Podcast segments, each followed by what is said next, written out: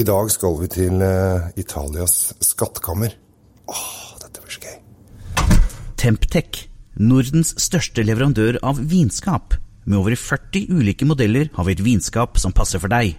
Se mer på temptec.no.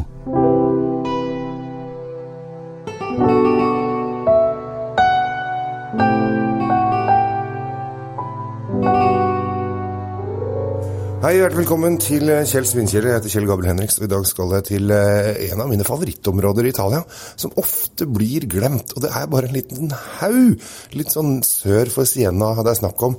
Og da skjønner kanskje at vi er på vei til Brunello de Montalcino. Montalcino er byen, den ligger helt, helt oppe på toppen av en, eh, en ganske, kanskje litt sånn halvspiss fjelltopp. Eller det er ikke fjelltopp heller, det er, det er kanskje å si at den er ja, 100 meter høy når du kommer liksom fra nederst til dalen. Det er ikke sånn kjempehøyt. Og helt oppe på toppen der så ligger da en fantastisk vakker by som heter Montalcino. Og rundt ned på alle kantene så ligger det masse, masse, masse vingårder. Og der lager de av en fantastisk god vin. Eh, ta turen dit. Jeg var der i, i fjor sommer, og da møtte jeg, tror jeg, Meg Ryan. Eh, ikke det, det er så viktig, eh, men jeg syns jo det var sånn Oi, Meg Ryan. Eh, jeg hilste ikke på henne, altså. Men det, var, det, er, det, det er et sånt sted som veldig mange vininteresserte drar til. Eh, og jeg tror kanskje det kan være en del kjendiser der også. Jeg tror faktisk det. Og der er det massevis av vinbutikker rundt om som du kan gå rundt og få litt smaksprøver, teste litt viner og virkelig godgjøre dere.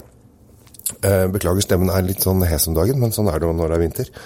Eh, så Montalcino er eh, for første også et fantastisk reisemål. Så jeg drevet litt med sånn turistinformasjon også. I dag skal vi snakke om en som heter Martoccia Brunello de Montalcino 2013. Men det som er så kult nå, er at nå banker 2015 på døra. Så nå, hvis du kjøper 2013 nå, og så venter du kanskje en halv måned eller sånn, bare, bare tre uker, fire uker, så begynner 2015 snart å komme inn på polet. Da har du det gøy. For da kan du nemlig sammenligne to årganger. Det ble ikke noe 2014 eh, på Martoccia, og det er kanskje ikke så rart, for 2014 var et skikkelig møkkavinår de fleste steder rundt om i Europa.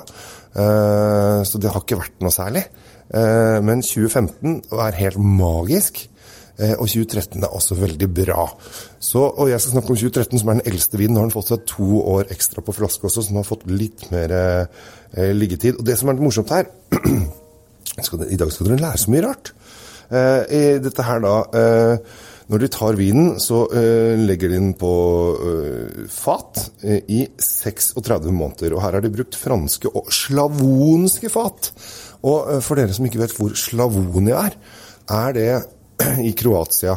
Og hvis dere ser for dere eh, landet Kroatia, som er da en lang kyststripe som går nedover ned til Dubrovnik, og så når du går oppover, da, altså opp til Split, så går det en sånn svær en liten sånn ballong inn i landet. Og den ballongen inn i landet, den tarmen som går inn i landet, som er liksom halvrund, ser ut som en sånn halvballong, det er da Slavonia.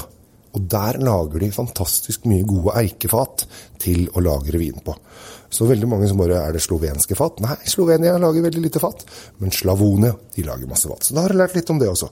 Men dette er en tung og deilig og kraftig øh, vin med masse mørke bær, og du kan dytte nesa ned i den og bare sniffe den opp og bare kose deg med den. Og kjenne liksom at du får sånn nye nyanser av forskjellige lukter og smaker hele tiden.